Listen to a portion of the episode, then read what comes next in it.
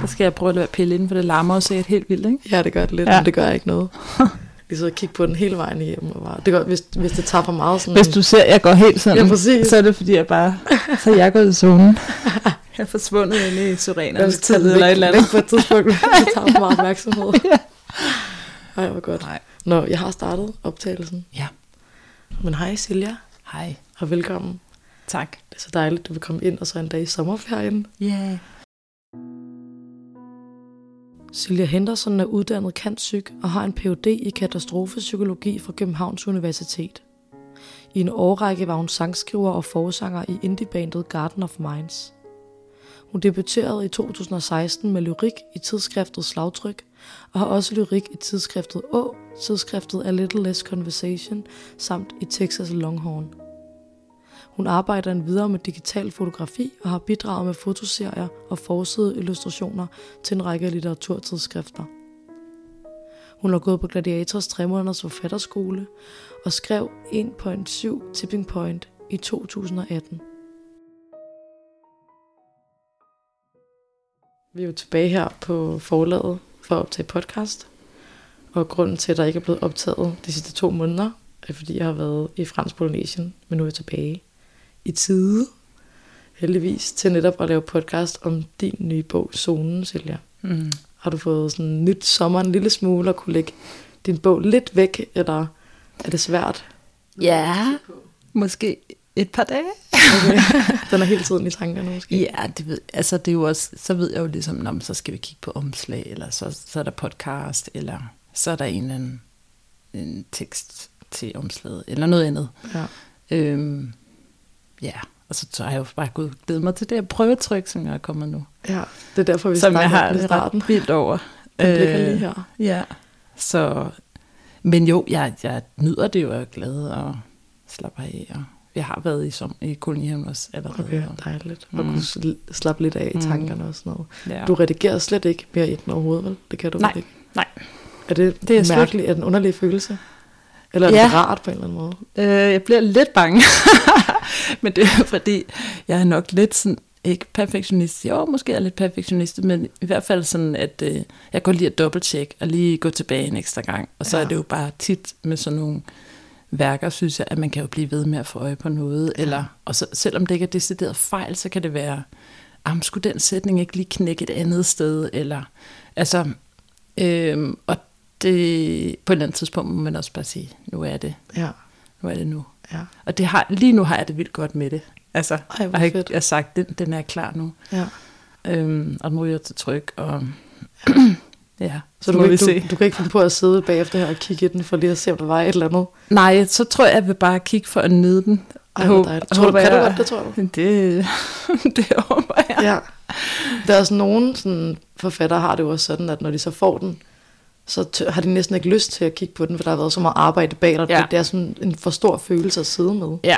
Jamen, det kan jeg også godt føle. Jeg tror, jeg har haft det sådan ind imellem, når jeg har sendt, øh, når jeg har sendt forskellige versioner til Hans Otto mm. undervejs, så har jeg, kan jeg godt have det sådan, nu skal jeg bare ikke kigge på det her overhovedet de næste to uger, eller et eller andet, fordi Ja. man kan få det helt sådan up to here, sidder jeg, siger jeg, og peger på min hals. Ja. Men, øh, øhm, men øh, nu er den jo så færdig, og så øh, på en eller anden måde tæt vævet, tror jeg, tænker, mm. at, at øh, jeg godt tør kigge ind, og jeg også godt forhåbentlig kan nyde at kigge ind. Ja.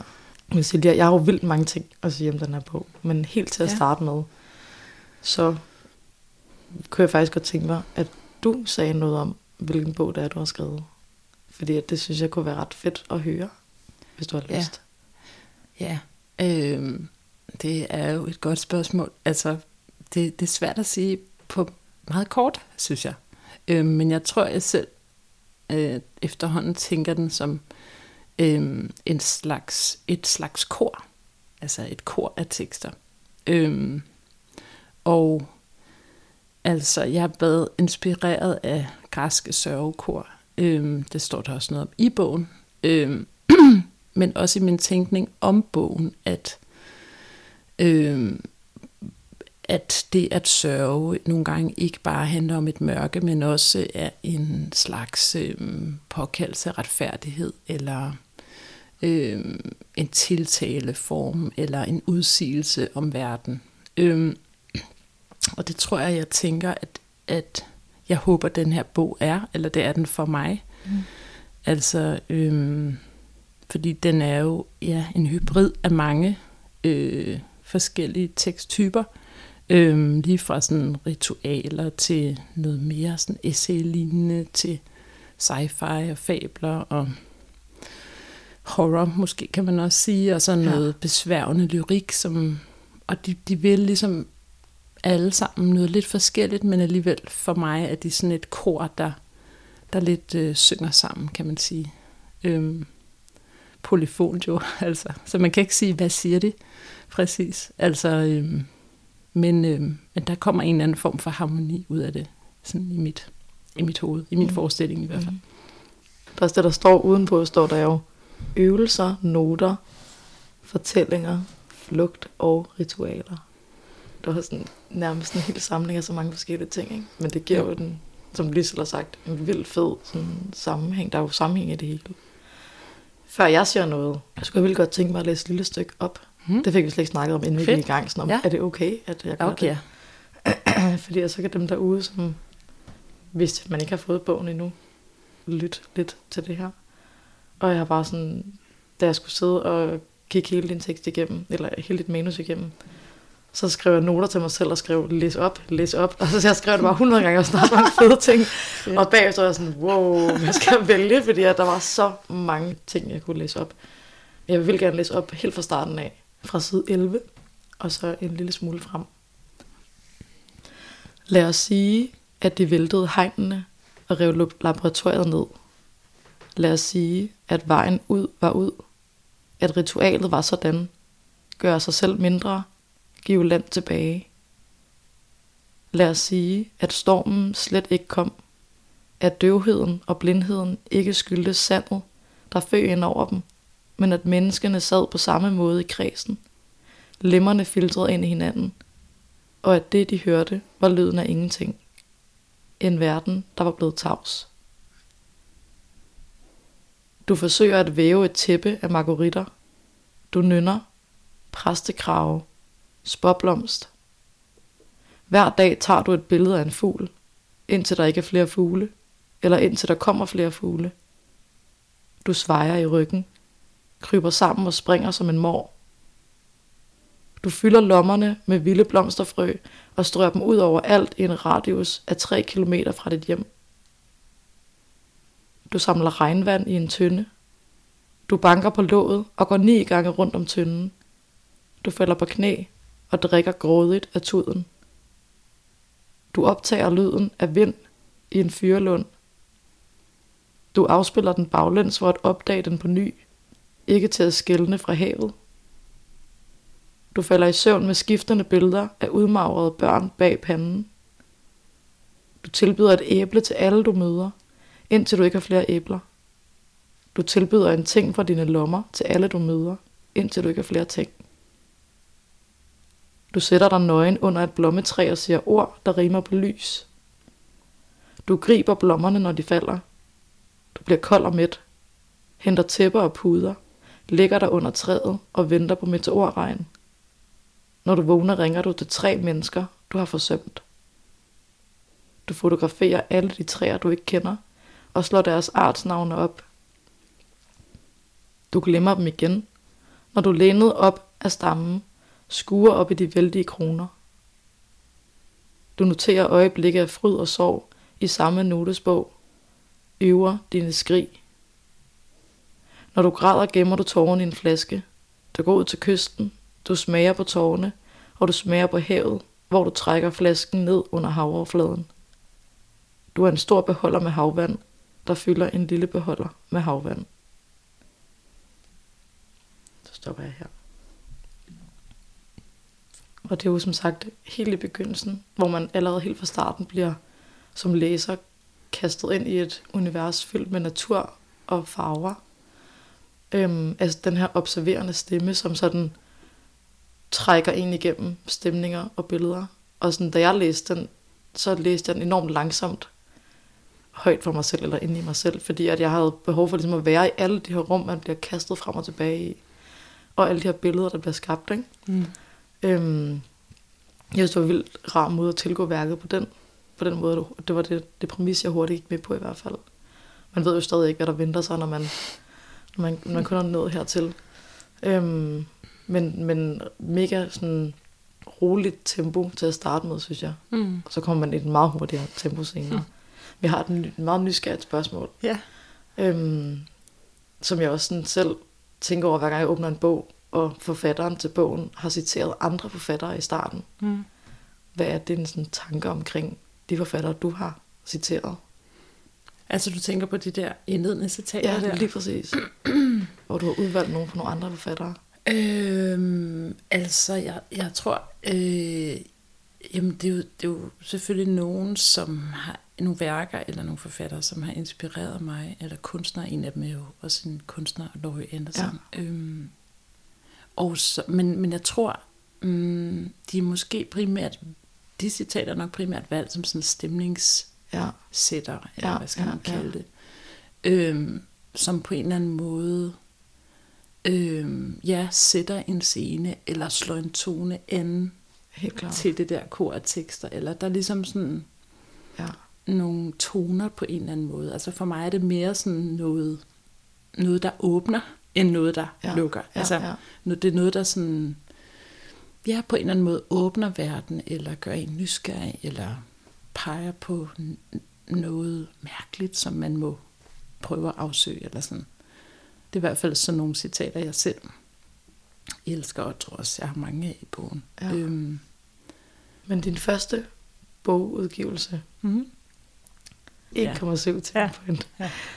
øh, fra 2018, omhandler jo den daværende, blandt andet aktuelle flygtningekrise øh, og de miljøpolitiske diskussioner, øhm, som man jo må sige har øh, nogle af de samme temaer som dit nye værk. mm. Øhm, hvordan har det været at skrive zonen for dig her fire år efter, at Tipping Point udkom? Mm. Også hvor, der har, hvor verden har forandret sig alligevel så meget siden. Du har helt ret. Altså, det er jo de samme, mange af de samme temaer, kan man sige, som jeg cir- cirkler om, eller kredser om i zonen. Altså, øh, hvad kan man sige, mange af verdens katastrofer i virkeligheden, og hvordan de er vævet sammen, øh, eller opleves vævet sammen, og flyder sammen i sådan det liv, man lever, hvor man hele tiden på en eller anden måde er orienteret om alt muligt, der foregår alle mulige steder også uden for ens egne landegrænser, eller uden for ens egen, øh, hvad skal man sige, sfære af arbejde og familieliv, og hvad det ellers måtte være. Øh, jeg, jeg, altså man kan sige, jeg ved ikke, om jeg synes, at verden har forandret sig så meget. Altså, øh, vi har jo selvfølgelig haft øh, corona, øh, men og, og, og der er kommet krig ikke? Altså i Ukraine, men på en eller anden måde synes jeg, at de store hændelser er nogle fortsættelser af mm-hmm. nogle problematikker, som allerede eksisterede. Øhm, altså, øh, det, altså det kunne være ulighed eller fattigdom eller øh, vores øh, forhold til naturen og den vilde natur og til dyr, animal farming, hvad hedder det på den sted, dyrelandbrug. Mm. Øhm, og den slags, hvor man kan sige, det, det ligesom er en, en fortsættelse eller en udvikling af, af de samme, mange af de samme problemer. Øhm, så øhm, ja, i hvert fald på en eller anden måde har jeg jo måttet konstatere, at jeg ikke kunne lade være at skrive. Du havde mere i dig. Ja, der var mere, der var mere, der, der øh, jeg havde brug for at bearbejde og at bearbejde som skrift og og jeg startede jo egentlig på den sådan ret hurtigt efter 1,7 Tipping Point blev udgivet. I hvert fald var jeg godt i gang i foråret 19, kan jeg huske. Okay. Øhm, hvor jeg ligesom startede med en af den historie, der hedder Alt, som er med i. Øh, som var en af de første, jeg skrev. Og så er den ligesom bare vokset derfra hen over årene. Altså, øhm, og på en eller anden måde sådan vo- vokset ud af sig selv, altså hvor jeg startede med at skrive bogens kerne, som er de her fortællinger, som Ja, narrativer forskellige. Ja, øh, som, som jo bevæger sig over mange forskellige genrer, men, Mhm. mm. man kan måske bruge den der øh, betegnelse, som nogen gør, der hedder fantastica, som er sådan en blanding af science fiction og horror og fantasy og ja, så fabler. Altså alle mulige ikke realistiske mm. tekster. Øh, så dem startede ligesom med, og så kan man sige, at bogen på en eller anden måde voksede ud af det. Så havde jeg også brug for noget, der, noget tekst, der gjorde noget andet. Øhm, og så kom nogle af de besværende digte til, og så senere kom de der noter til, som de hedder. Mm. Øh, og til sidst det, der hedder øvelser, som indleder bogen nu. Så den er ligesom på en eller anden måde sådan bare vokset ud af øh, hen over årene. Øh, og synes jeg føles lige så nødvendig nu, og som den sidste bog gjorde sidste gang. Så jeg, så jeg har stadig på en eller anden måde brug for at beskrive og bearbejde verden på en eller anden måde, mm. og hvordan vi er i den. Hvordan skal vi leve på en eller anden måde? Hvordan lever man i en verden, der er fuld af ødelæggelser? Mm. Det er måske sådan et eller andet centralt spørgsmål. Ja, det giver virkelig god mening. Jeg er sådan, når, man, når jeg tænker mig om lige nu i øjeblikket, så har du helt ret i, at verden jo ikke har forandret sig så meget på de fire år, som jeg egentlig havde gået og tænkt, da jeg læste en bog, ikke? og fra den sidste bog. Og det der med, at der stadig er så meget behov mm. for det, du skriver om. Selvfølgelig er der det. Men også det der med, at man stadig godt kan skrive om de ting, der var dengang, og det mm. kun behøver at være nye ting, som er opstået undervejs. Når vi kommer et lille stykke ind i bogen, så går skrivestilen fra at være meget sådan nærværende, som jeg lige læste op før, med det her med ja. duet og øh, de her meget sådan nære billeder. Nærmest hvor at en, hånd, en enkelt hånd mod et enkelt blomsterblad-agtigt, ikke? Mm. Øhm, til mere sådan storslået med klimakrisen og omhandler sådan større dele af verdens kriser. Og jeg synes, det, det her med, at man prøver at tage sådan noget, som man også har snakket om så mange gange, også i medierne og så videre, tage det mega uhåndgribeligt og gøre det håndgribeligt, synes jeg, du gør helt vildt godt. Øhm, man kommer ned på et plan, hvor man kan forholde sig til de her store uhåndgribelige ting, hvor du for eksempel skriver, at 1146 ansigter og hænder, der mister livet i havet, mm. som er sådan en meget håndgribelig måde at gøre det på, i stedet for at det er mennesker, mm. som jo er lige så voldsomt, ikke? men mm. man kan se det for sig på en anden måde. Mm. Har du gjort nogle overvejelser om, om det har du selvfølgelig, men sådan de her greb, du vælger at bruge for at prøve at få det ind i folks hoveder, sådan, hallo, verden er fucked up. Ja, altså helt sikkert, jeg tror både, altså de greb, kan man sige, er jo både nogle litterære greb, men de er jo også på en eller anden måde nogle, nogle greb, jeg må anvende mod mig selv, kan man sige, eller sådan ja. for at, i, altså i min gamle bog, der skrev jeg en del om det her med apati, og mm sådan versus hudløshed på en eller anden måde, og jeg, jeg er ligesom på en eller anden måde stadigvæk optaget af det, øh, hvad kan man sige, dilemma, eller sådan at, at hvis man ligesom, når man tør at åbne sig og sanse og, og ligesom konstatere mange af de frygtelige ting, der, der foregår i verden, så gør det jo rigtig ondt. Altså, og så får man jo lyst til at lukke af for det. Mm. Øhm, men det kan jo så betyde, at man hele tiden er i sådan en aflukket tilstand. Mm, fornægtelse, øh, ja. ja, en fornægtelse, eller en...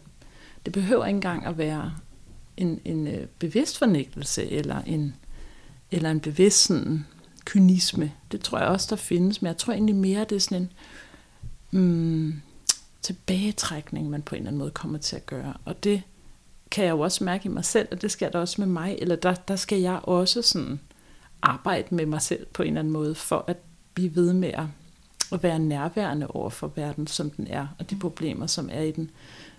Og det er ikke fordi, jeg siger, at det kan man hele tiden hver dag og alle dage, og det er også en, måske en tilstand, man går ind og ud af. Og så er der nogle dage, hvor man bare graver i sin have, eller drikker øl med sine venner, eller gynger sine børn, eller mm. altså nogle helt almindelige ting. Øhm, og så er der andre, hvor man, man sørger, eller er vred, eller øh, protesterer, altså mm. øh, banner. over det der, ja, banner og svogler, øh, over, over ting, der foregår i verden, og, og hvor urimeligt livet nogle gange er.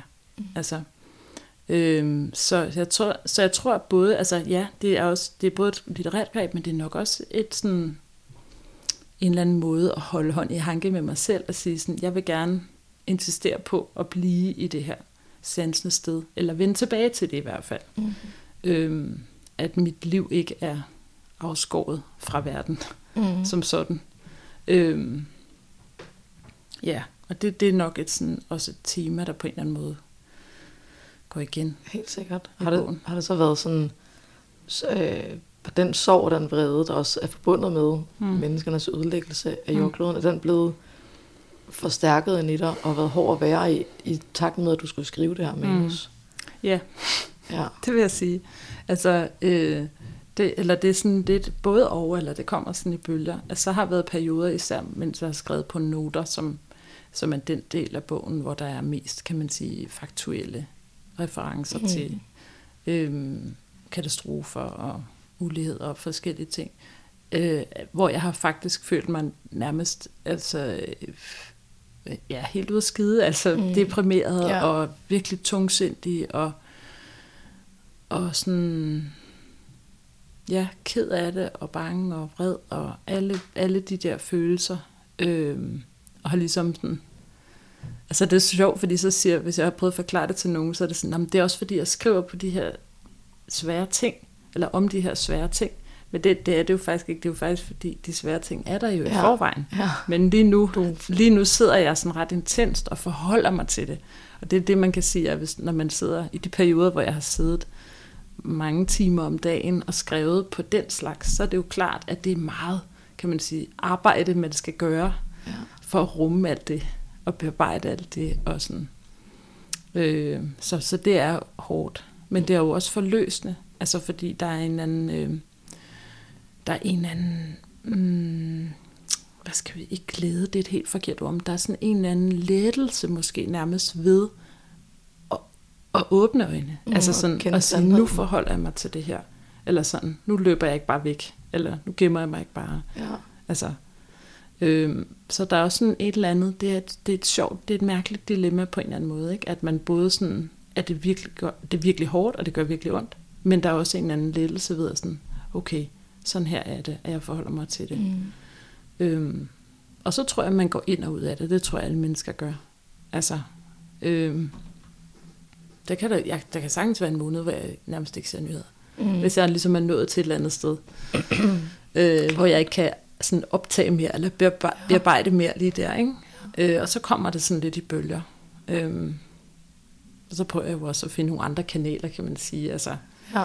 Deltage i demonstrationer, eller lave kunstværker, eller øh, sådan nogle ting. Mm-hmm. Øhm, for, for at... Øh, ja, fordi nogle gange kan det også føles...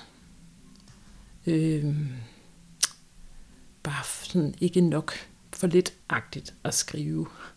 Okay. Øh, selvom det andre gange føles som det, det helt rigtige. Mm. Og så, så ja, jeg tror bare, jeg har brug for i hvert fald nogle flere kanaler, end, end, end kun at skrive. Ja. Men jeg synes også, det er vigtigt. Og, og jeg har jo sådan været så heldig at opleve med en gamle bog, at, at mange har udtrykt over for mig, at det på en eller anden måde hjalp dem, eller gav dem noget øh, i deres refleksioner om verden, eller en mulighed for at tage nogle emner op, altså mm. for eksempel på gymnasierne, eller, eller i deres private relationer. Øhm, så det håber jeg jo selvfølgelig, men det kan jeg jo ikke vide, og det kan jeg ikke gå ud fra. Altså, jeg kan ikke ligesom gå ud fra, at den her bog vil gøre noget godt i verden, men jeg kan skrive den, fordi jeg synes, jeg har brug for at skrive den. Mm. Og jeg på en måde skriver den bog, jeg gerne selv vil læse. Ikke? Ja. Eller sådan. Fedt. Jeg selv har Sejt. brug for, eller vil ønske, der fandtes. Ja. Øhm, så ja. Jeg synes du også, at det når du siger, at du bruger flere kanaler. Mm. Kan skriveriet for eksempel, nu også i meget kunst, kan man jo mærke ensomheden, men mm. jeg har ensomheden fyldt meget i at skulle skrive om det her emne, eller at kunne dele det. Du er for eksempel medlem af nogle forskellige aktivistgrupper med andre forfattere osv., ikke? Mm. Men kan, kan du dele det med andre, dit skriverier, så du ikke bliver helt ensom og deprimeret?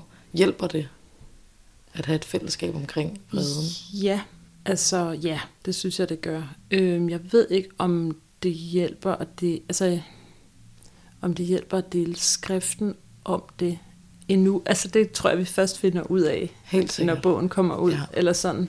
Men det hjælper helt klart, ligesom for eksempel forfatter ser grønt, eller øh, så har jeg lavet nogle aktiviteter med Extinction Rebellion, eller nogle aktivister derfra.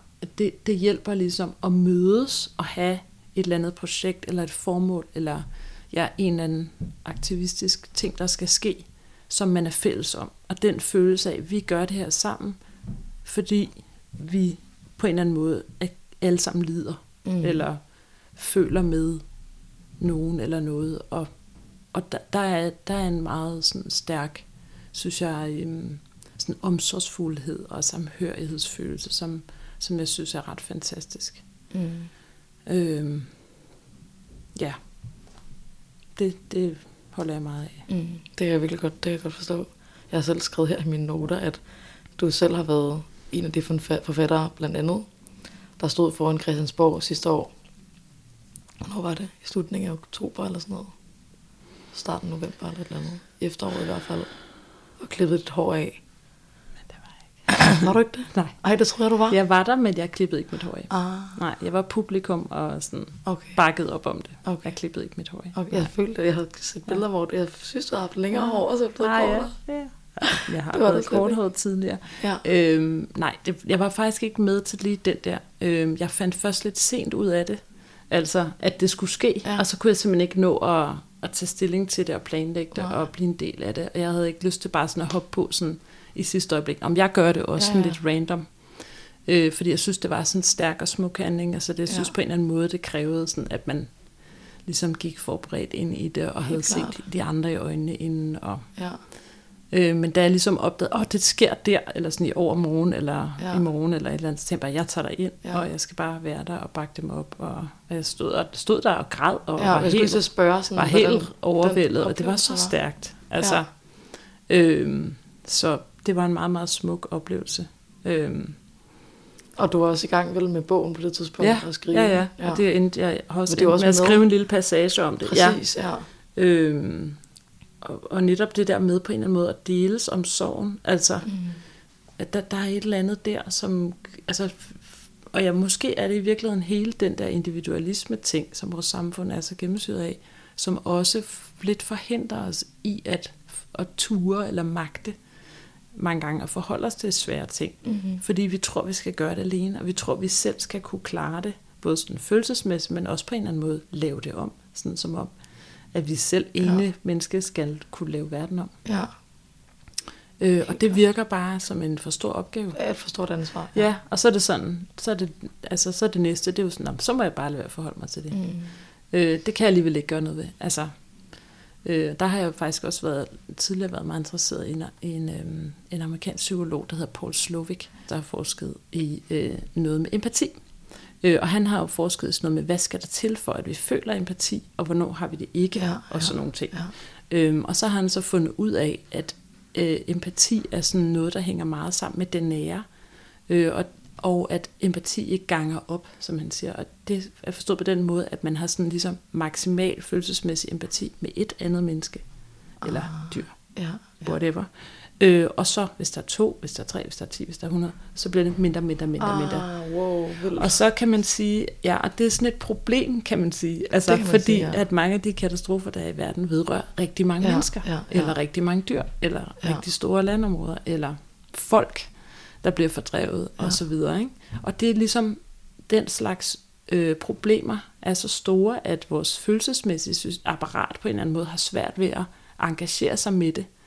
Øhm, og hvor han så ligesom taler for, at man skal på en eller anden måde sådan ind og arbejde med sin logiske sans, og, sådan, og, og erkende, at wow, når man tænker på et helt folk, eller Ja. et helt land, der for eksempel er i krig, Ja. så er det på en måde for stort at rumme. Det er jo klart. Altså, og det giver god mening, Ja. at man kan ikke dunke sig selv oven i Ja. hovedet, for det af vores hjerner. jo. Men, men også på en måde godt at vide, at det, mm. det er ikke ens betydende med, at, at, øh, at man ikke kan gøre noget. Fordi det har han så fundet ud af, lige så snart man øh, oplever, at det der tal, altså det antal, der har brug for hjælp, eller problemet bliver for stort, så oplever man noget, han kalder en false sense of inefficacy. Altså en falsk følelse af ueffektivitet, Wow. eller manglende handlingskraft. Så man tror simpelthen, "Nå, men det kan jeg bare ikke gøre noget ved. Så jeg har ingen indflydelse på Jeg kan, jeg kan ikke redde tusind, hvis der var en, ja, der godt lige ja, præcis, hvis det var en. op, ja. Altså, og det giver jo også mening fra, vores, sådan, fra, et, fra et evolutionsmæssigt synspunkt, at vi ja. har kunne redde en, der Ja. ja. har brækket benet lige ved siden af os, Mm. og få slæbt dem hen til lejren, eller hvad, hvad det nu var. Øhm, men, men at vi skal på en eller anden måde ligesom, altså, lære de der mekanismer i os selv at kende, så vi kan arbejde lidt med dem og imod dem, og ligesom sige, okay, ja. øh, jeg føler faktisk øh, noget her, og hvordan kan jeg faktisk gøre en forskel? For der er altid noget, man kan gøre. Ikke? ja. Wow. Øhm, så det synes jeg også har været noget spændende forskning. Det har jeg faktisk ikke skrevet om i den her Nej, bog, nej, men det, kan man jo bare ja, undersøge. google. Kommer han så også med en måde, sådan, man skal arbejde med det på? Øhm, Eller er det måske- Så meget har jeg ikke læst Nej. Ind i ham, men faktisk kan jeg huske, et af hans sådan lidt sjove, skøre, kontroversielle forslag er jo nærmest, at man skulle lave, øhm, man skulle sætte maskiner eller robotter til at lave pol- politikforslag. Wow. Fordi han siger, at politikere er for dårlige til det. Ja. Fordi, øh, ikke fordi de er dumme, men fordi at de støder ind i den der samme menneskelige blokade med, at de siger, at det er for stort problem, det kan vi ikke gøre noget Ja. De møder den samme falske følelse. det kan man jo ikke dunke nogen oven i hovedet om, men Nej, det går og bare han ikke. siger, men det betyder bare, at vi tager nogle forkerte beslutninger nogle Ja. gange, fordi vi siger, det kan vi ikke gøre noget ved. Ja. Øhm, Ej, ej, hvor spændende. ja, det er meget Ej, interessant. det kan jeg hjem og læse mere på. Ja. Vildt nok. Ja. Helt vildt.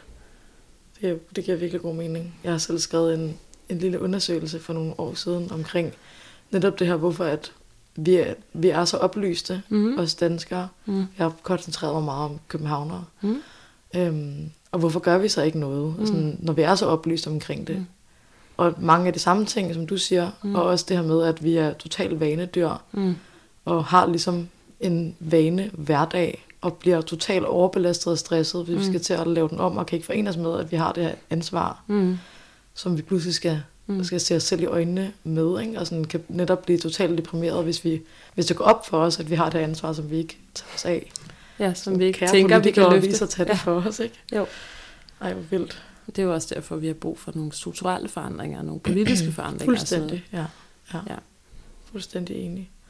Øhm, og som du selv sagde tidligere, så har jeg nu også lagt mærke til, at jeg synes, det er enormt essayistisk. Øh, en essayistisk bog, du har skrevet. Som sagt, det sidder jeg jo selv inde på, på politikken på deres debatredaktion. Øhm, og meget den her energi, jeg kan mærke i din bog, er også noget, jeg bare sådan dagligt kan sidde med derinde. Mm. øh, fra debatindlæg. Noget, jeg, sådan, jeg blev ramt af, som du også... Øh, noget, jeg, en af de grunde til, at jeg synes, at din bog også er vigtig, sådan, som du siger, det er den bog, man gerne selv vil, du gerne selv vil læse, ikke? det er også de her sådan, konkrete eksempler, du kommer med i bogen. Nestlés øh, CEO i 2011 udtalte, at vand ikke er en menneskeret, mm. men en fødevare, der bør have en pris. Mm. Og at han så forsøger nogle år efter at trække i land. Mm. Man får samlet en masse ting, som er så voldsomme. Og på samme måde, så er den grunden til, at alle, alle de her ting ligesom kan samles, er også fordi, at du har den her nærhed og- og enkelhed, og sådan, ud over de her meget voldsomme ting, så hvor der for eksempel er billeder af de her børn, der leger i noget tang, og Mm. hvor man ligesom får, får pusterum blandt mm. alle de her sider. Mm. De der øvelser, som de hedder. Ja. Øhm, dem ser jeg jo også lidt som sådan en slags forbindelseshandlinger, eller sådan forsøg måske. Ja, ja. Forbindelsesforsøg, ikke? hvor jeg tænker, at, at, at vi på en eller anden måde også øhm, skal arbejde for, at ikke at føle så isoleret og så alene. Øhm, og, og en af de ting, øhm, vi har brug for at forbinde os til, det er jo naturen. Altså, Helt fordi sikkert. vi på en eller anden måde er, det liv, vi lever, er sådan afkoblet fra naturen og de naturlige systemer. Altså nu taler jeg ikke bare om den smukke natur og den kønne natur, men også kredsløbene, altså mm. de Mm. naturlige kredsløb. Ikke? Øhm, vandets kredsløb, og altså CO2 er jo noget, der vi snakker meget om, ikke? altså CO2 i atmosfæren og sådan, men der, der er så mange på en eller anden måde kredsløb, som vi ikke er sådan, eller det moderne sådan, vestlige liv er jo sådan så afskåret på en eller anden måde fra alt det. Helt vildt, Altså ja. man kan sådan i princippet leve indenfor hele dagen ja. og få alle sine varer bragt fra et supermarked og aldrig se eller røre noget sådan jord eller Ja. Planter eller ja. solskin eller et eller andet. Ikke? Men vi er jo dybt afhængige af de ting. Helt sikkert. Altså- Fuldstændig, ja. Så det, og, og der ligger også, men jeg tænker også for mig, ligger der også en anden form for sådan Øh, jeg tror også, jeg skriver det et sted, sådan forbindelsernes boldværk eller sådan noget. I, der, altså en eller anden form for en slags et, en modstandshandling næsten, ved at forbinde sig, ved at gå tilbage og sige, nej, jeg hører til. Mm. Altså, vi hører til her. Mm. Vi er også øh, en del af jorden, altså systemer og jordens krop. Altså, min krop er også jordens krop. Mm. At der er ligesom sådan en eller anden form for øh, ja, nægtelse i det. Altså, jeg nægter at være afkoblet. Jeg nægter bare at være en arbejdsbil. Jeg nægter mm. bare at være mit udseende, eller min produktion af dit og dat, eller øhm, som jeg tænker er sådan på en eller anden måde gavnlig, eller nødvendig, eller som jeg i hvert fald føler behov for, som jeg, Ja. jeg føler behov for at gå ud i, Helt øh, i ud i naturen og lægge mig under nogle tujatræer. Og, Ja. altså, Men det er jo også noget, man hurtigt kan glemme, at Ja. man egentlig har behov for. ja, Og det er også sådan, for eksempel, da jeg læste din bog, fik jeg også helt sådan, ej, nu skal jeg sgu lige ud i naturen. Og det lyder også så banalt og åndssvagt, men man har på en eller anden måde brug for at blive husket på det, når man Mhm. lever midt inde i København og ja, cykler fra den ene plads til den anden plads, ikke? så et træ på vejen, eller sådan, ja, det er åbenbart noget, man har brug for at blive husket på, og så bliver man også bare gladere, når man så husker på det. Ikke? mm, Jeg læste meget sjovt. Øhm, forleden dag sad jeg med en klumme på politikken, som jeg kan ikke huske, hvad overskriften var, men noget med, at vi, at vi skal også huske at gøre træet poetisk, frem for at det bare skal være produktion.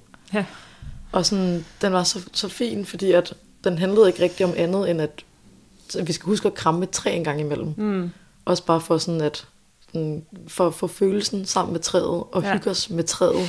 I stedet den var, det var så sjovt, fordi at ja, den var blandt alle mulige andre artikler, der handlede om, du ved, altså krig og ødelæggelse og, og sygeplejersker, som er alle de her mega vigtige ting. Så var der den her med, at vi skulle huske, at træet også er poetisk. ja, Og, sådan, og Ja. det synes jeg også kan koble sig sammen med din bog. Sådan, Ja.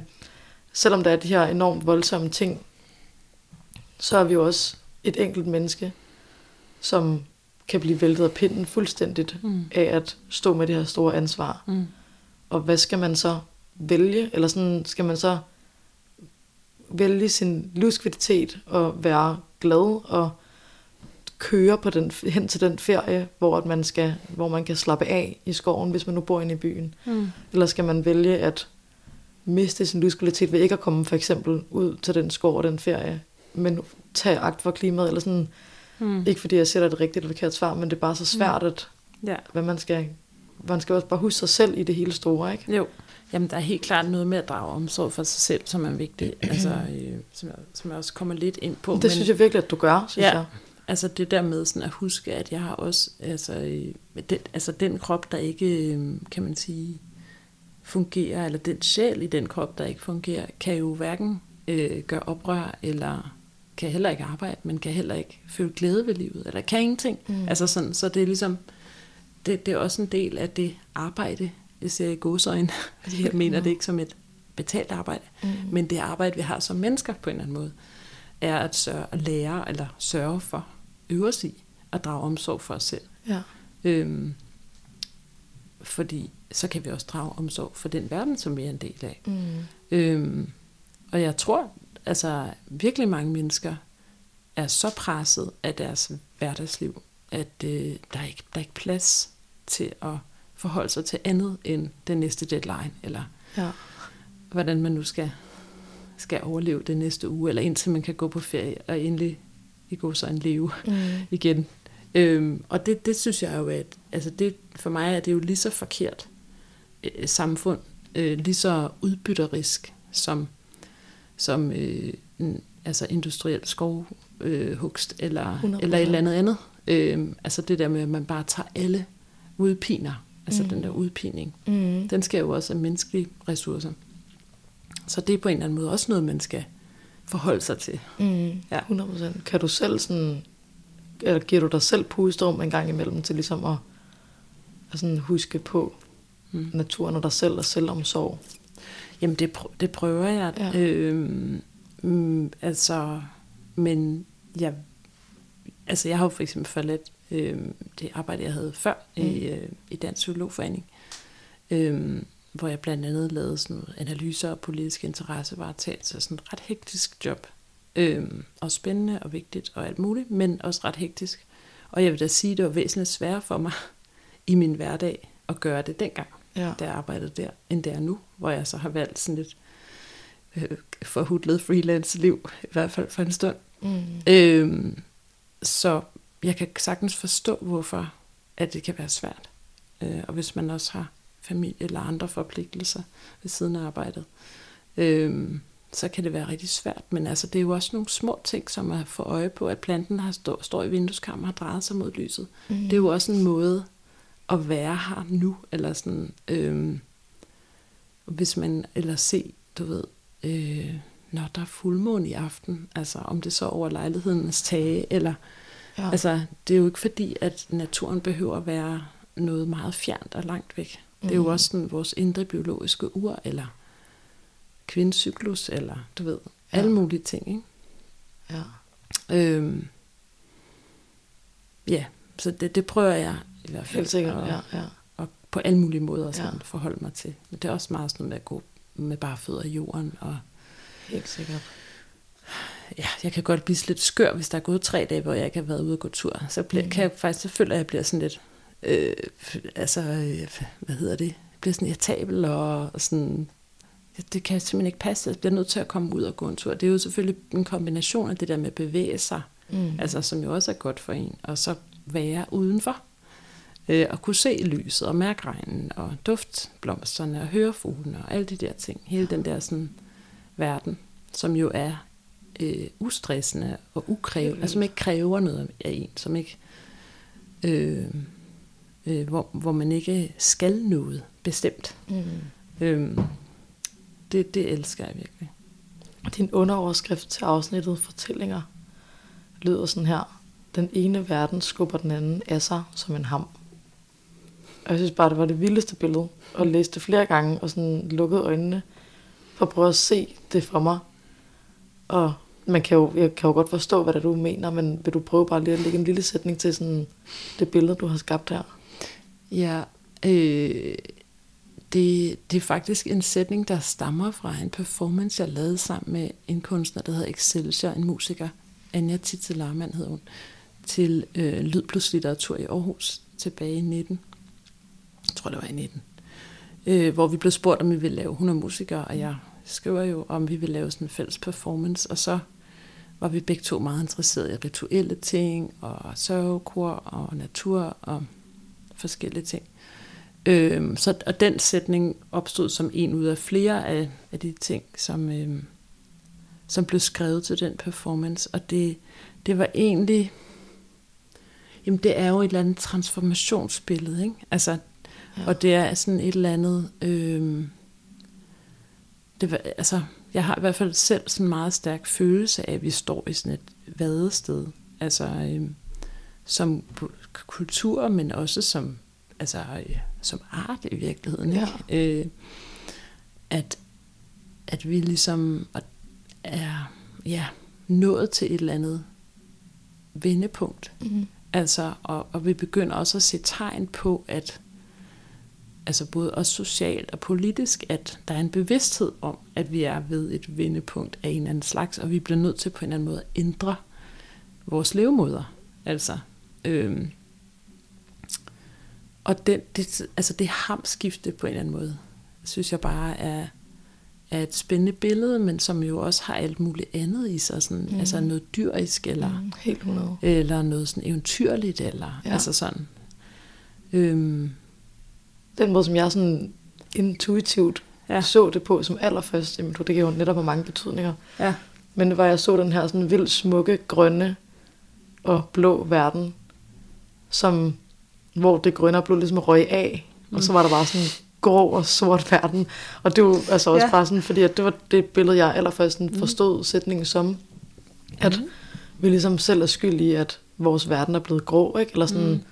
Er blevet sådan forrøget. Og fortællinger handler jo om, det her afsnit fortællinger, Mm. om øhm, et folket, som glæder sig, eller som glædende kigger hen mod en fremtidsverden på en eller anden måde, som jeg forstod det i hvert fald, hvor dyr øh, er mekaniske, og folk får bedre søvn, øhm, og bedre uddannelse, bedre produktion og alle de her ting, og teknologien har nærmest overtaget kloden.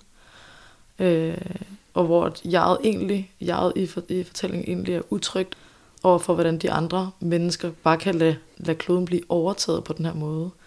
Øh, og nærmest vil lade deres sjæl forgå til teknologi. Og den her kunstighed, der ligesom er i nogle af fortællingerne, minder mig også, også sådan om The Truman Show, hvis du har set mig den. Mm, yeah. På en eller anden måde sådan, Ja. kom jeg til at sådan være lidt i den verden. Jeg vil gerne læse et lille stykke mere op, øh, Mhm. hvis jeg må det.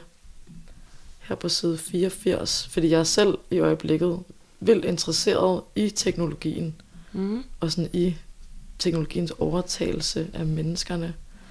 Så det ramlede bare vildt sådan i min hjerne ret hårdt ind i at læse, læse det, som du har skrevet. Øhm, og hvor jeg også selv blev sådan lidt ængstelig og sådan forskrækket, ikke? Øhm, Er det den, der hedder alt? Eller er det en anden en? Der er fordi, der er flere, det er hvor der er noget med- Ja, på side eksperimentet. 84, Yes, ja, men jeg okay. læser sådan lidt midt i. Ja. hvor jeg har ud, udpeget et lille stykke, som jeg var ret sådan vildt. Øhm, det er meget midt i til læseren, eller til lytteren derude her, så kan man lige skaffe sig bogen og læse. Professoren holder en lille pause. Vores håb er selvfølgelig, at vi også kan lykkes med at sample bevidsthed, personlighed og erindringer. I første omgang til harddiske, derefter fra harddiskene til robotter. Når vi er dygtige nok, kan vi forhåbentlig overføre det direkte til stamceller hos fostre.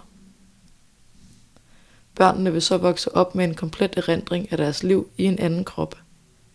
Det vil være psykologisk uproblematisk, i det dem, der opfostrer børnene, vil kunne fortælle dem, hvem de er, fra de er ganske små.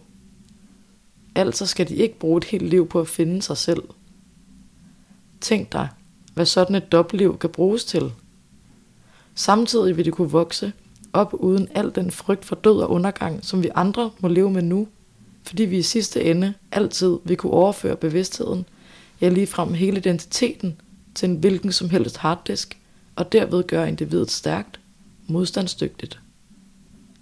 Ikke bare over for sygdom og alderdom, men også over for de pludselige forandringer i levevilkår, som vi kan forvente her på jorden, eller ved senere kolonialisering af nye planeter. Professoren ser på sin gæst.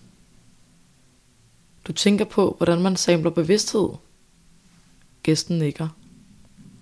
Vi er heldige, fortsætter han. Vi har fået en særlig tilladelse fra overvågningsmyndigheden til at tilgå big og deep data arkiverne. På sin vis er det jo et spørgsmål om artens overlevelse, siger han, og ranker sig næsten usynligt. Altså sådan, Silja, er du selv bange for teknologien, og, og hvad den også er i form af alt her med klima og så videre, at kan den måske også være med til at undergrave det over for menneskernes bevidsthed, hvad det egentlig er, der foregår med kloden? Øh, der, der var mange spørgsmål i Det var øhm, det, er fordi min hjerne bare ja. lige nu. øh, hvor skal jeg starte med det?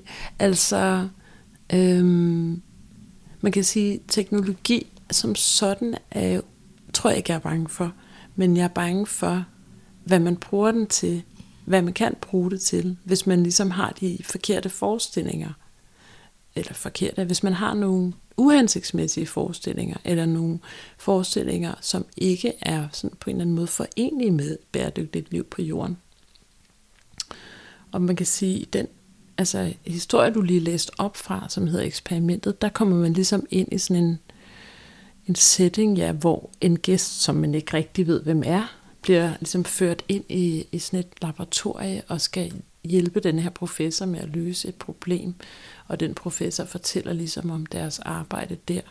Og den professor, kan man jo mærke, er jo meget sådan stolt øh, af, af deres, ligesom, øh, deres arbejde hen imod sådan et andet evigt liv på en måde. Ikke? Hvis mennesket kan leve for evigt, og, og, og så, altså, hvis vi bare kan overføre bevidstheden til noget andet, eller til en anden, om det er så et foster eller en harddisk, eller hvad det er, og man så potentielt kan flyve det ud i rummet, så kan vi jo bare leve hvor som helst. Altså, øh, den der sådan, den tænkning, han på en eller anden måde repræsenterer, den er jeg bange for. Altså, mm. den synes jeg er undergravende farlig, fordi den ligesom øh, netop repræsenterer sådan en afkoblet tænkning, altså en tænkning, hvor mennesket i går sådan bevidstheden eller individet er afkoblet fra jorden. Vi behøver da ikke jorden til noget. Vi behøver da ikke ilt, øh, eller vand, rent drikkevand, eller afgrøder. Vi kan da bare øh, flytte bevidstheden på en eller anden måde. Eller vi kan da bare flytte til Mars, altså, som om vi ikke havde mikroorganismer i vores tarmsystem, mm. så, som er, kommer fra jorden blandt andet.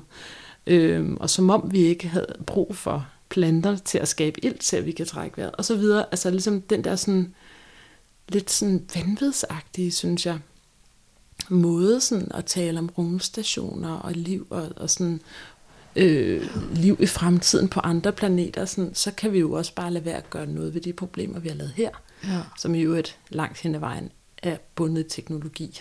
Jo ikke en hvilken som helst teknologi, men jo i hvert fald øh, altså olie blandt andet, ikke, har jo mm. været en af de store, hvad skal man sige, maskiner for, mm. for meget af den ødelæggelse, vi har lavet. Øh, altså, ja, det var en meget øh, mærkelig rundtur, men det kan være god så, jeg ved, altså, så, ja, så jeg kan ikke sige, at jeg er bange for teknologi, men jeg tror, jeg er bange for, hvad vil man, hvad vil man bruge det til, og hvad tror man egentlig liv er, og, sådan, og hvad er et menneskeliv egentlig, og er det overhovedet noget uden alt det andet, alle de ja. andre systemer. Vi ved jo ikke, hvordan livet, altså vi er jo kommet som den seneste art, altså øh, efter alle mulige andre plante- og dyrearter ja. og bakterier og svampe har overhovedet gjort det leve øh, bart, altså gjort livet muligt på planeten Jorden. Mm. Og så synes jeg bare, det er så vildt, øh, når, ja, når man ligesom sådan, jamen, vi kan bare sådan, vi kan bare, jamen, så kommer der en koloni på Mars eller en anden planet en dag. Og, altså sådan, og, og det er også sådan, det bekymrer mig også lidt, det der sådan, om hvem er det så, der skulle ja. derhen, mon? Ja. Eller, ja. det er jo nok ikke alle øh, være det rumskib der. Nej, så, så der er ligesom, og det er også noget, jeg tematiserer i nogle af de andre fortællinger. Altså, mm, om, at de er meget forskellige, fordi nogle er jo sådan fabler, ja. og, hvor dyr taler, og nogle er netop sådan, hvor man træder ind i en anden mm. scene, eller et laboratorium, eller sådan noget. Men, og lige præcis, en af de grunde til, at jeg også valgte, valgte det her, også fordi mm. jeg især i de øh, fortællinger, hvor der er et narrativ, som får lov til at være en del, som en for eksempel gæsten her, som er så øh, skræmt, undrende over, hvad i alverden er det, der foregår, og altså sådan helt uforstående for, hvad, hvordan at folk, at andre mennesker kan få planeten til at skride i sådan en forkert retning. Mm. Og det synes jeg bare, at dine fortællinger sætter så, god, så gode ord på nogle følelser, som mange sikkert sidder med, blandt andet mig. Mm hvor man har behov for at prøve at forklare folk, det er sådan, jeg har det. Og her er det, mm. er det overgjort, men på ingen måde mm. overgjort. Altså sådan, mm. det er jo mm. sat nogle ret vilde eksempler på, hvor at man kan være for eksempel gæst henne. Ikke? Mm. Men det er jo på ingen måde sådan mere overdrevet, end hvad det faktisk foregår i virkeligheden. Jeg vil gerne læse øh, et aller sidste stykke op.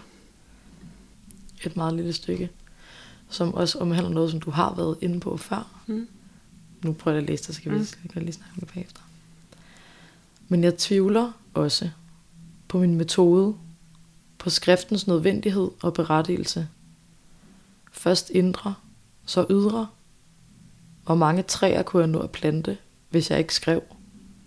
Hvor meget vintertøj eller nødhjælp kunne jeg uddele? Hvor mange blokader kunne min krop deltage i? Giver det overhovedet mening at spørge på den måde? Hallo. Det synes jeg bare var vildt sådan, så, så meget, øh, øh, at man også kan mærke forfatteren mm. bag værket, sådan at selvfølgelig sidder du også med de tanker, mm. og sådan, som vi alle andre også sidder med. Hvad har din overvejelser været med at sådan, tage dig selv med som en af omdrejningspunkterne i dit værk? Ja, altså, øhm, man kan sige, det, Øh, det var en af de dele, der kom senere til, så jeg havde egentlig ikke fra start tænkt, at der skulle være et jeg eller mm, okay. en jeg fortæller med. Øh, så jeg startede jo ligesom i det her fiktive univers. Men så på en eller anden måde virkede det på et tidspunkt rigtigt at udvide bogen øh, på den måde også, og ligesom inddrage øh, faktuelle ting, og også på, diskutere og reflektere over dem øh, inde i bogens rum, øh, kan man sige. Så og så tror jeg, at det bare tit er en tanke, jeg har, når jeg sidder og skriver om ting, der foregår i verden.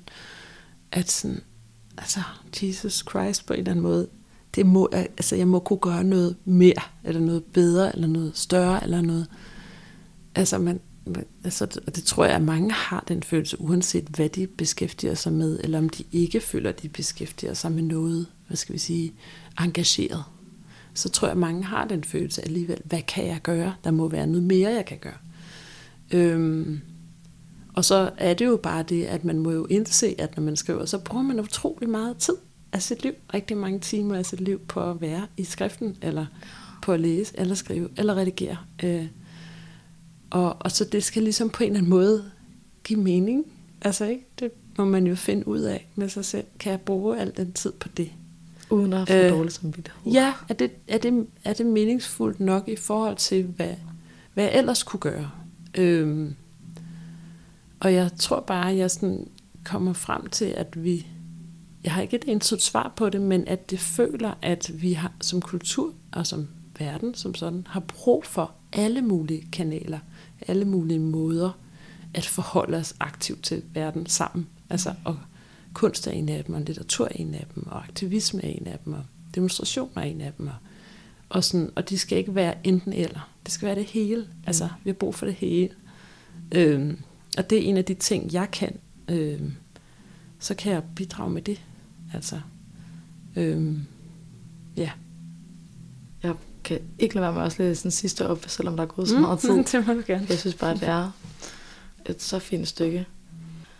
Men nu vil jeg gerne læse op på side 109, som er igen den her blanding af, at vi har oplevet de her edit-værk, sådan enormt uhåndgribelige store ting og essaistiske ting, øhm, med Nestles CEO for eksempel, og, og alle de her sådan forfærdelige mennesker, der også bliver nævnt tilbage til det her, for eksempel på side 109, som er meget nærværende, øhm, med det her enkelte billede med et menneske og i en lille scene, som jeg synes er så rar, at, at det er rart, der er de her Hvad del er det, jeg på? Det er under, øh, det er under Morskov. Nå, ja. Så det er en af øhm, fortællingerne. Ja. ja. Øh, og det er noget af det, som er skrevet med, med stort, fordi at, som vi ikke har fået snakket om nu, der Nå, ja. er sådan mange, så mange ting. ja. Så er der jo også, du bruger rigtig mange forskellige skrifttyper, ja. som jeg også ville gerne have noget at snakke om, men det var måske for en anden gang. Jeg læser lige et lille fint stykke op her. Ja. Det er en smuk søndag. Der er ild i gardinerne. Børnene leger i det sorte værelse. Under sengen klikker svaleæggene fra den brændte lade. Under loftet bimler klokkerne. Med det ene øre hører jeg en kraves pikken på ruden. Med det ene øje ser jeg ud gennem det svedende glas. Hver dag stamper vi på gløderne. Vi ligger os på gulvet, indtil røgen er væk. Det gør ondt på træerne, siger drengen og peger ud på stubene. Han spiller saxofon og øver sit strålelys. Om natten lyder huset som et stort suk. En bøn former sig i soden, i sprækkerne. Lad ilden lyde som høstsang, sort sol og drømmesøvn. Lad ilden lyde som sværme af arbejdende bier. Lad ilden lyde som opstand, som omsorg og sang. Lad ilden lyde som længe ventet regn. Og det er jo det her meget sådan, de enkelte billeder, som har en enorm betydning. Og at jo, vi er ved at brænde jorden op under os. Men den måde, du skriver det på, synes jeg bare er mega fint. Hvordan er det at få det læst højt? Tak. Det var dejligt at høre det. Det er jo også øh, den, øh, den lille fortælling, eller digtfortælling, om man vil, som der er et citat fra på bagsiden. Ja. Men det var dejligt at høre det. Øhm, det er jo sådan, ja, det er jo altså øh, en tekst, som jeg også selv opfatter lidt som en bøn. Jeg tror, den hedder også bøn. Øhm, og det er måske også det, en del af det kor, som den bog er, er, er jo også en, et bønfaldelseskor på en eller anden måde. Mm. Altså en, et slags håbefuldhed, eller en rækken ud. Øhm, og tror jeg sådan, altså der er jo mange øhm, dystopiske øhm, scener og verdener, som man træder ind i og går igennem i bogen. Nogle af dem er helt faktuelle, Ja, altså ja. øh, baseret på forskning eller, eller politik eller noget andet, og andre er jo fiktive, kan man sige, øhm, ødelæggelser eller ødelagte verdener efter en hede eller en oversvømmelse eller noget andet. Men for mig er der også en masse, kan man sige, utopisk indhold i den bog, som er er sådan på en eller anden måde øhm, omhandler oprør og omsorg som sådan to bærende sådan elementer, som jeg synes går igennem mange af de øhm, både de korte fortællinger, men også til bogen som sådan, altså som sådan en eller anden form for tone, at eller en, eller en, jeg ved ikke om det er en tone, eller det er en måde at være i verden på. Mm. Altså at sige, det kan godt være, at verden på en eller anden måde falder ned om ørerne på os, at vi står i et hus, der brænder, men, men vi kan være omsorgen, Mm. og vi kan være oprøret, der er vi i en anden verden. Øhm, det er i hvert fald mit håb. Mm. Så når du siger, at, du, at det også er en slags bøn, Mm. hvem, hvem er bønnen så til? Mm. Ja, det er En- vel til os, eller Okay, ja. til os, der kan mm. Mm. noget, ja. og til fremtiden, og til, mm, I don't know. Har en eller anden højere magt, man håber, Ja, kan... altså, jeg tror, jeg synes, den højere magt er os. Ikke? Jeg Mm, tror, det er os, der er, øh, der er håbet, eller må være bære håbet. For jeg tror, altså jeg er lidt bange for, nu spurgte du, om jeg var bange for teknologi, jeg er også lidt bange for håbet som sådan en pacificerende størrelse. Sådan, om jeg håber, det løser sig. Sådan, Ja. Jeg håber, det bliver bedre. -agtigt. Det er sådan en måde at sige, sådan, om det har jeg ingen indflydelse på. Og så er vi tilbage til lidt den der, sådan, men jeg kan ikke gøre noget, jeg har ingen, mm. altså, hvor jeg tænker, at håbet er mere ligesom sådan en plante, noget, Mm. man, noget man sætter i jord, og så gøder man det og vander det og stiller det i lyset. Altså, Mm. det er noget, man skal få til at gro. Helt sikkert. Øhm, Man skal selv sørge for det håb. mm, ja, man skal Det selv det, vi være det, eller gør, blive det, eller... Øhm, så det er nok det, øh, eller noget af det, som Ja. ja. bønden går ud på, eller bønfaldelsen ligger i. Sådan en henvendelse til os vid, et større mm. vi, et, et mere inkluderende vi, som også rækker ud over vores, os selv og vores Mm. egne land, vores eget land og øh, vores egen kultur og vores egen art for den sags skyld. Ikke? Ja. Ej, wow. øhm, ej, når nok ikke så meget mere, men Det er okay. aller sidste ting, jeg altid plejer at sådan spørge om, Ja. det er om omslaget. Mm. Jeg synes, det er så flot.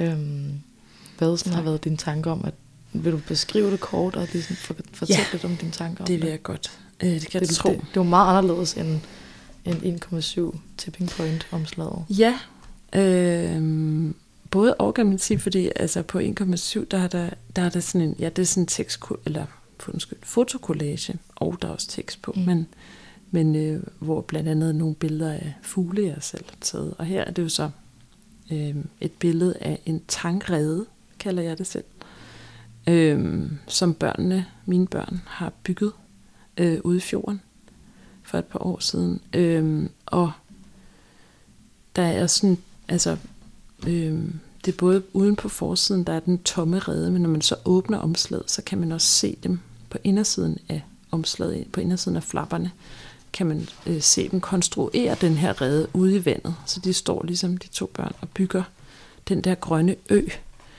Og jeg tror bare, jeg synes, øh, altså dels var jeg bare sådan helt forbløffet over, hvor smukt og, og sådan stærkt rituelt det så ud, bare det syn, da jeg så dem Så vil vil bygge den der rede, og så satte sat de sig også i den, ikke? Og ligesom, der er ligesom, altså der er en eller anden, øh, der er en eller anden sådan vild naturlig øh, spiritu- spiritualitet, vil jeg næsten sige, i børn, ikke? Altså de er ligesom naturligt forbundne, naturligt rituelle i deres tankegang. Altså alt det der med magisk tænkning og, og sådan, der er sådan en åbenhed over for verden, som, Mm.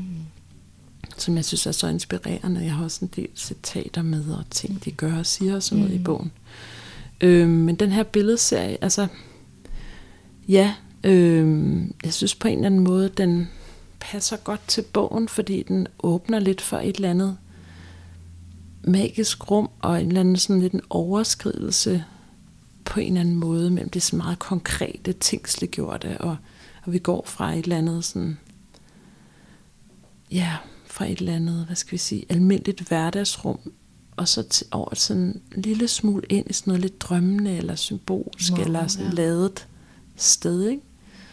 Øhm, og det synes jeg passede bare godt Mm. øhm, til bogen, og så har Josefine været super sejt til at omsætte det til virkelig flot omslag. Øh, Mennesker i natur, og det her med, sådan, der er sådan en Ja. uskyldighed på en eller anden måde med, at Ja. børnene bare tør kaste sig i naturen, ja, uden at være sådan undskyldende over for den, som, ja, som vi andre måske ja, de forholder sig helt naturligt til den, og Mm. ligesom, hvorfor ikke bygge en rede og sætte Mm. sig en rede ude i vandet? Altså, Ja. ja. why not? Ja. Det vil voksne ikke gøre, fordi det vil være fjollet, og det er sådan ligesom farligt på en eller anden måde. Ikke? Vi skal være rationelle, Mm. og, sådan.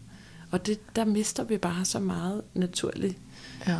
forbindelse, øh, som, som jeg virkelig synes, vi kan, der kan vi virkelig lære noget af børn, øh, som måde at være i verden på.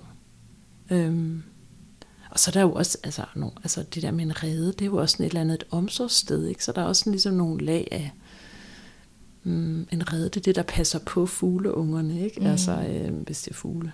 Øhm, og ja, så der er ligesom, der er bare sådan mange øh, dobbelttydigheder i det, eller Ej, hvor fint. i det. Ja. Så, og det er generelt sådan, den bog er, tror jeg, Ja. at alting har ligesom, eller næsten alting har flere betydninger, flere muligheder. Og det, det kan jeg bare godt lide. Altså, jeg synes, det åbner verden i stedet for lugten. Ja. Ja. Altså, det synes, det er det modsatte af øh, kapitalismens tekstliggørelse og vareliggørelse, at det her er et produkt og en ting, og du kan forstå den sådan her, den ene tid, og du kan købe den her og sælge den der. Og, altså, at, at, sådan, at noget er flertydigt og flerstemmigt og mystisk og, og Eventyrligt. Ja, ja. ja, at den følelse, tror jeg, vi har Ja. brug for som mennesker. Det har jeg i hvert fald, ja. for 100 at være i verden. Ja. Så, så det er også en måde at tænke bogen på, kan man Ja, sige. ja.